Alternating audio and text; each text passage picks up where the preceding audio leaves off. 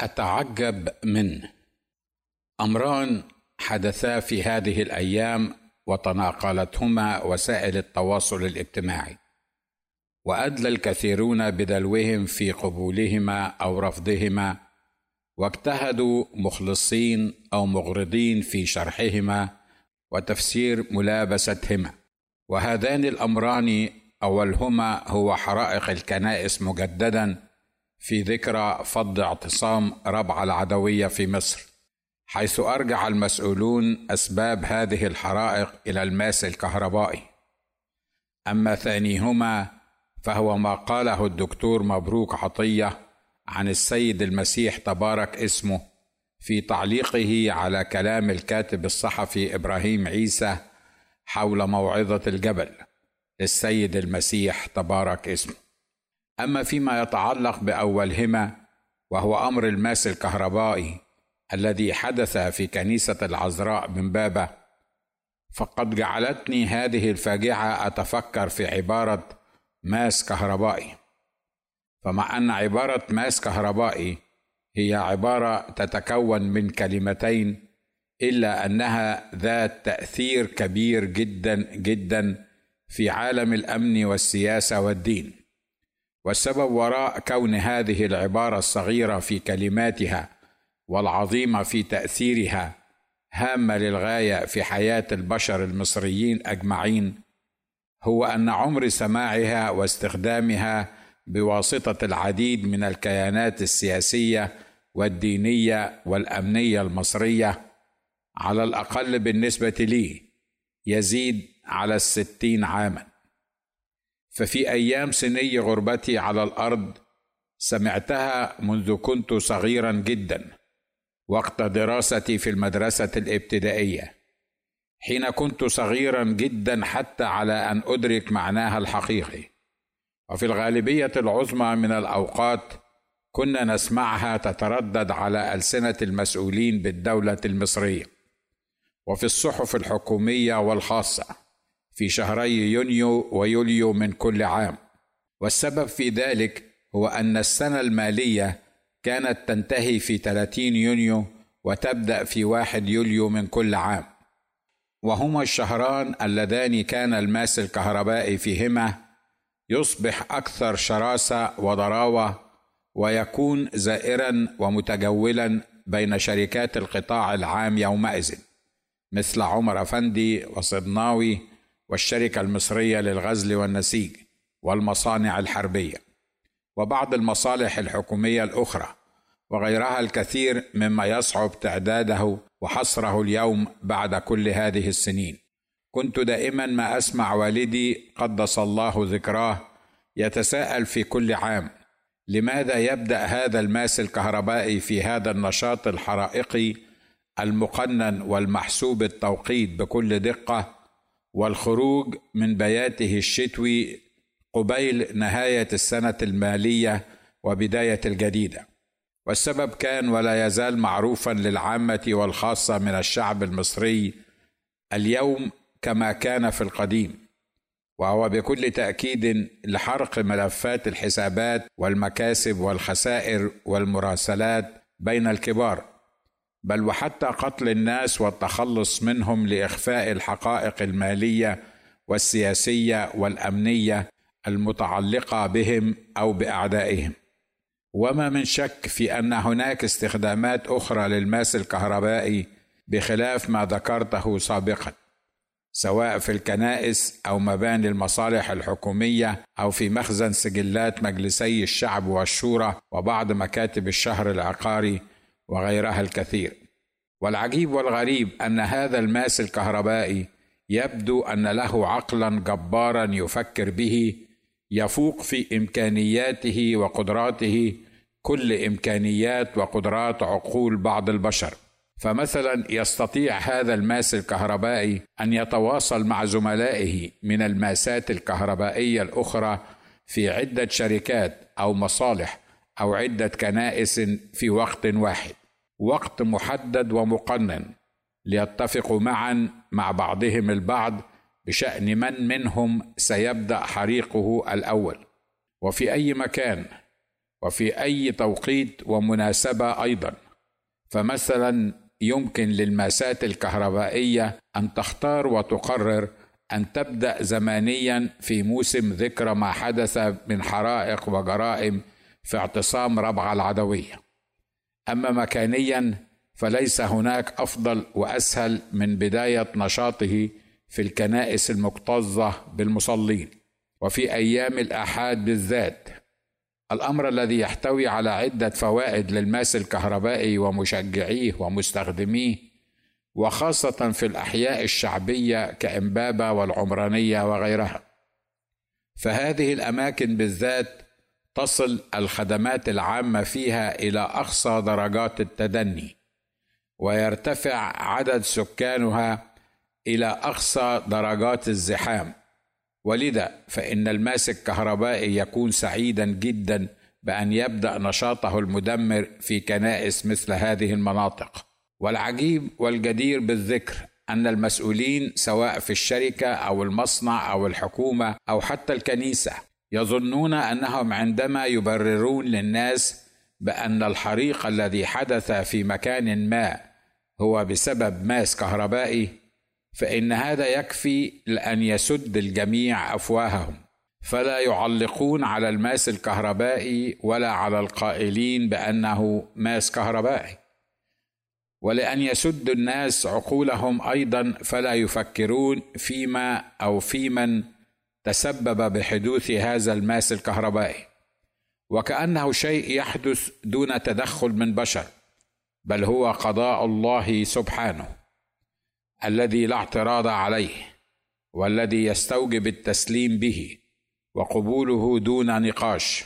فمن يستطيع أو يجرؤ على الاعتراض على قضاء الله اللهم لا اعتراض.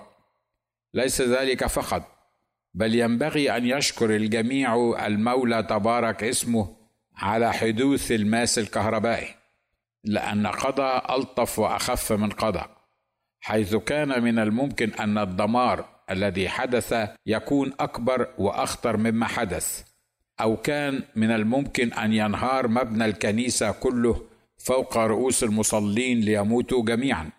ولا شيء بيد إنسان ليعمله سوى أن يترحم الجميع على من ماتوا بسبب هذا الماس الكهربائي. ويحمد الله أن من ماتوا كانوا في حدود الخمسين شخصا وكان من الممكن أن يكونوا أكثر من ذلك بكثير جدا.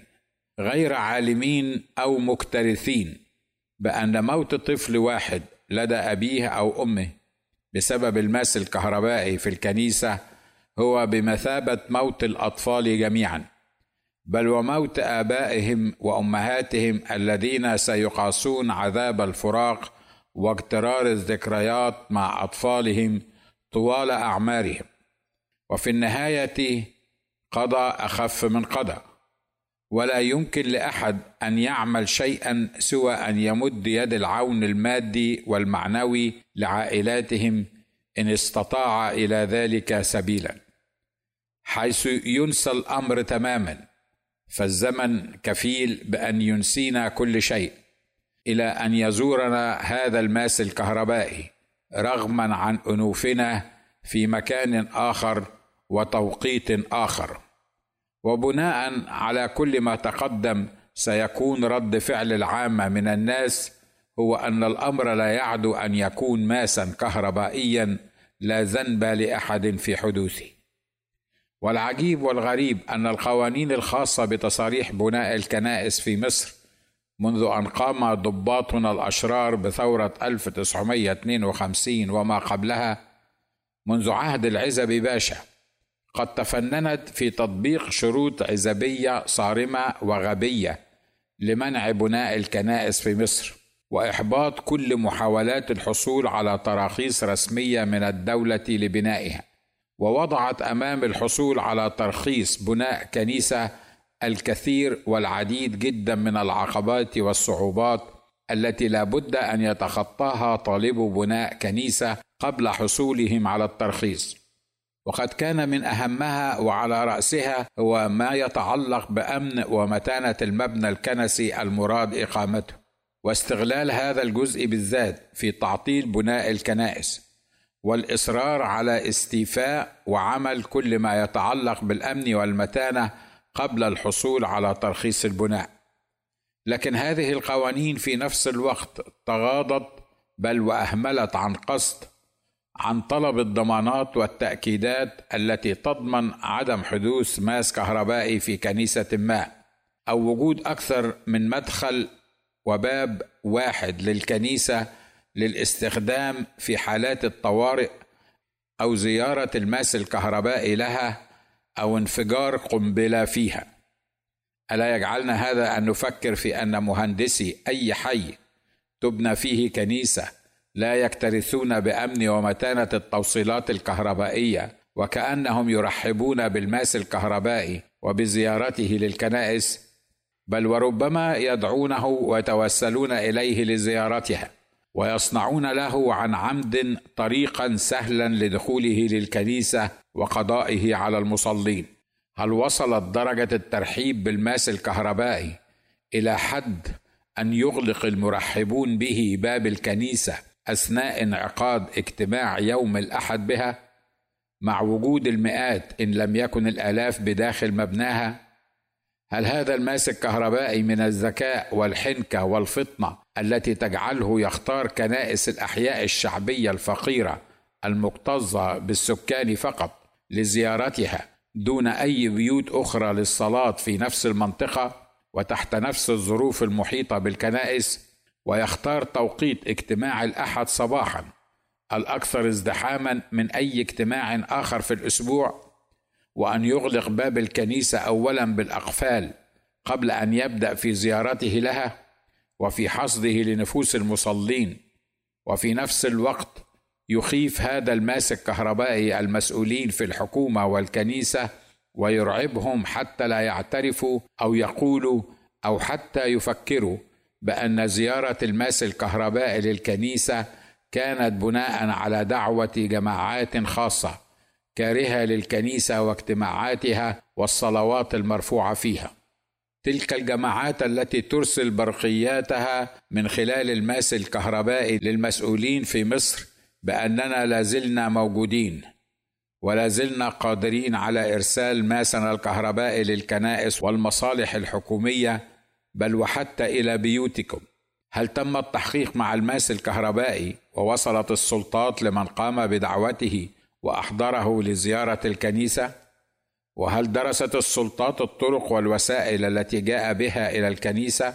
هل توصلت لنتائج وحقائق في تحقيقاتها لذا قررت أن تصلح ما تستطيع أن تصلحه بهذه السرعة غير المسبوقة؟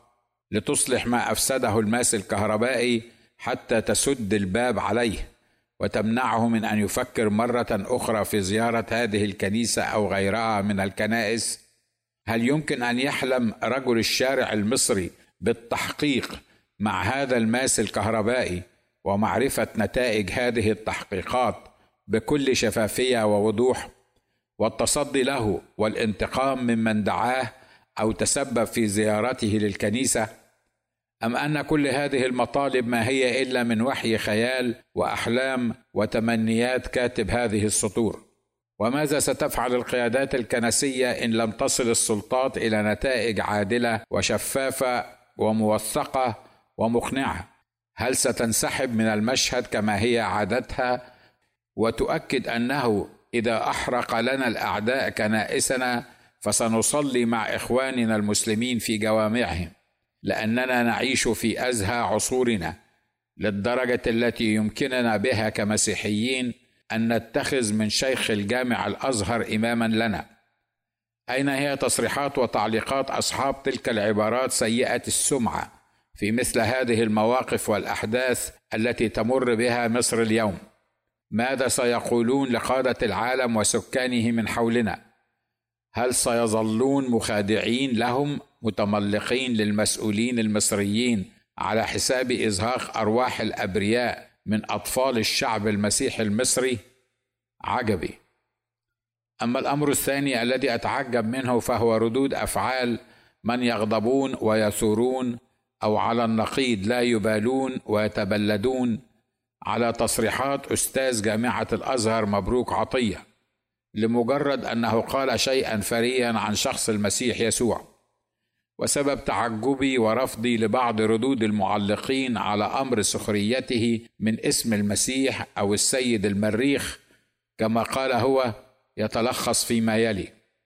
واحد نحن كمسيحيين مأمورون في الإنجيل بأن نعيش ونسلك ونتصرف كما عاش وسلك وتصرف سيدنا المسيح الله الظاهر في جسد إنسان وهو بجسده على الأرض. ومأمورون بأن نشابهه تبارك اسمه في كل شيء بمساعدة قوة روحه القدوس الذي يستطيع أن يجعلنا نتغير إلى تلك الصورة عينها أي صورة المسيح تبارك اسمه.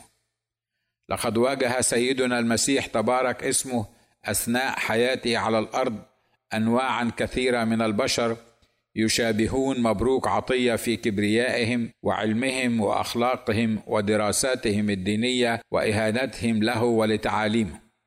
فمنهم من قال عنه تبارك اسمه أنه سامري وبه شيطان. ومنهم من وصفه سبحانه بأنه المضل الذي يضل الأمة ويفسدها. ومنهم من سخر من اسم المسيح وألبسه تاجا من الشوك وثوبا من الإرجوان. ولطمه وقال له تنبأ إن كنت أنت المسيح. ومنهم من سخروا من تعاليمه التي لم يفهموها يوما وقالوا له يا ناقد الهيكل وبانيه في ثلاثة أيام انزل عن الصليب. ومنهم من رفضوا استقباله في قريتهم وطلبوا منه أن ينصرف عن تخومهم وغيرها الكثير الكثير جدا من المواقف والأحداث التي تشابه ما قاله مبروك عطية. أما هو أي سيدنا المسيح. ألف فلم يقابل ابدا الإساءة بالإساءة بل على العكس قابل الإساءة بالإحسان بالرغم من قدرته فائقة الطبيعة على عمل ما يحلو له في المسيئين إليه لأنه سبحانه فعال لما يريد الذي يقول فيكون يأمر فيصير. يدعو الأشياء غير الموجودة كأنها موجودة ومع ذلك فهو لم ينتقم لنفسه ابدا لا بالعمل ولا حتى بالكلام واللسان. به سيدنا المسيح لم يمنع أحد أو يوبخ أحد ممن سخروا منه أو قالوا عليه كل كلمة شريرة لأنه كان يعلم أنه من عند الله خرج وإلى الله الآب يمضي. جيم. سيدنا المسيح لم يطلب من تلاميذه أن يدافعوا عنه أو يردوا إساءة المسيئين إليه لا بأيديهم ولا بسيوفهم وعصيهم ورصاصاتهم بل أظهر كل محبة واحترام للمسيئين إليه. فهو الذي شفى أذن عبد رئيس الكهنة عندما أتى مع من جاءوا للقبض عليه ليصلبوه. الأمر الذي جعل تلميذه بطرس يتحمس ويظن أنه بإمكانه أنه يخلص سيده من أيدي أعدائه فاستل سيفه وقطع بها أذن العبد. وهو تبارك اسمه لم يطلب من أحد قط أن يقتل أعداءه بشقهم بين نخلتين أو جملين. دال المسيح لم يتجنب المواجهة أو الرد على منتقديه ومقارنة الحجة بالحجة وما رد يوما على الحجة بالسيف أو بإعداد ما استطاع تلاميذه إعداده من قوة ومن رباط الخيل يرهبون به عدو الله وعدوهم. هه المسيح لم ينشغل يوما بما يقال عنه أو ينشغل عن تأديته لواجبه في فداء البشرية وما كان يوما مشوه ومشتت الذهن. لا يعرف ما يمكن أن يلقيه الشيطان له في قلبه وعقله من كلمات أو آيات مصدرها الشيطان نفسه لأن الشياطين لم تكن تستطيع أن تقترب من مجلسه سبحانه بل كانت إما تصرخ خارج تارك المكان المقدس الذي كان يضع قدمه به فيقدسه وإما تصرخ إليه طالبة ومتوسلة لكي لا يعذبها أو يرسلها إلى جهنم النار بل أن يأذن لها بالخروج والهروب من امامه واو. لم يكتفي سيد المسيح بعدم القيام بكل ما تقدم بل وبخ تلاميذه عندما فكروا أن يردوا الإساءة بالإساءة والإزدراء بالإزدراء. فعندما ازدرته إحدى القرى ورفضت قبوله للمرور بها وسأله تلميذاه يعقوب ويوحنا ابنا زبدي أن يأذن لهما بأن يطلبا نارا من السماء لتحرق المزدرين الرافضين لمجيئه ومروره عبر قريتهم انتهرهما السيد المسيح قائلا لهما لستما تعلمان من أي روح أنتما. زين. المسيح لم يكتفي بالجانب السلبي في التعامل مع من يخطئون في حقه وحقنا أو حتى يبغضونه ويبغضوننا للدرجة التي معها يلعنوننا بل تعدى ذلك الجانب السلبي إلى الايجابي فعلمنا أحبوا أعداءكم باركوا لاعنيكم أحسنوا إلى مبغضيكم. اثنين ولعل السبب الثاني الذي جعلني أتعجب من ردود أفعال المسيحيين الذين أثارهم خطأ مبروك عطية في شخص السيد المسيح هو أن أخطاء مثل هذه تبين الفرق الواضح البين بين تعاليم ووصايا المسيح لكل الذين قبلوه وبين تعاليم غيره من الأنبياء سواء كانوا أنبياء حقيقيين مرسلين من عند المولى تبارك اسمه أم أنبياء كذبة وما أكثرهم في هذه الأيام لأنه لابد أن يكون هناك فرق بين أتباع المسيح وأتباع غيره. وفي النهاية أقول إنني أرفض الإساءة والتندر والسخرية من أي نبي لأي دين مهما كانت أعماله وأوصافه. وسواء إذا كان نبيا حقيقيا في نظر نفسه ونظر أتباعه أم نبيا كاذبا في أعين الآخرين. لكنني أقول لمبروك عطية إنني أتحداك لو أتيت بموعظة أو بتعاليم أو حتى بآية واحدة في أي دين سماويا كان أم ارضيا شيطانيا يمكن أن تقترب من سمو تعاليم المسيح في موعظة الجبل. وفي صفاته وشخصيته وتأثيره على البشر أجمعين. فيا معشر المسيحيين المؤمنين بالمسيح ربا وفاديا لا تنشغلوا بما يقال عن المسيح ولا تسمحوا بأن تكون ردود أفعالكم مع الذين يسيئون إليه سبحانه كردود أفعالهم وعكس ما علم به المسيح. بل اعلموا أن النبي الذي لا يعرف أن يدافع عن نفسه بل يترك الدفاع عنه لأتباعه ولردود أفعالهم من قتل وحرق واغتصاب ليس بنبي مرسل من عند الله لهداية البشر. فمع أن المسيح كان ولا يزال قادرا على محو كل من يسيء إليه بكلمة من وجه الأرض لكنه يتأنى على خلائقه وهو لا يشاء أن يهلك أحد. بل أن يقبل الجميع إلى التوبة.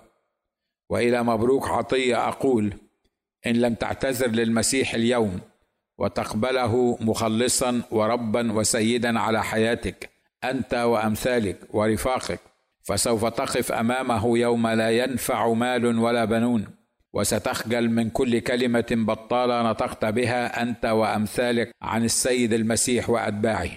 ولن تكون لك فرصة بعد موتك.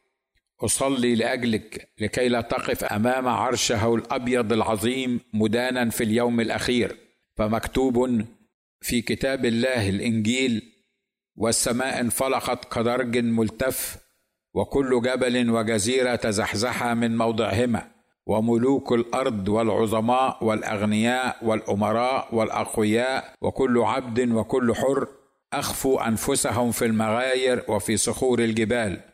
وهم يقولون للجبال والصخور اسقطي علينا واخفينا عن وجه الجالس على العرش وعن غضب الحمل لأنه قد جاء يوم غضبه العظيم ومن يستطيع الوقوف.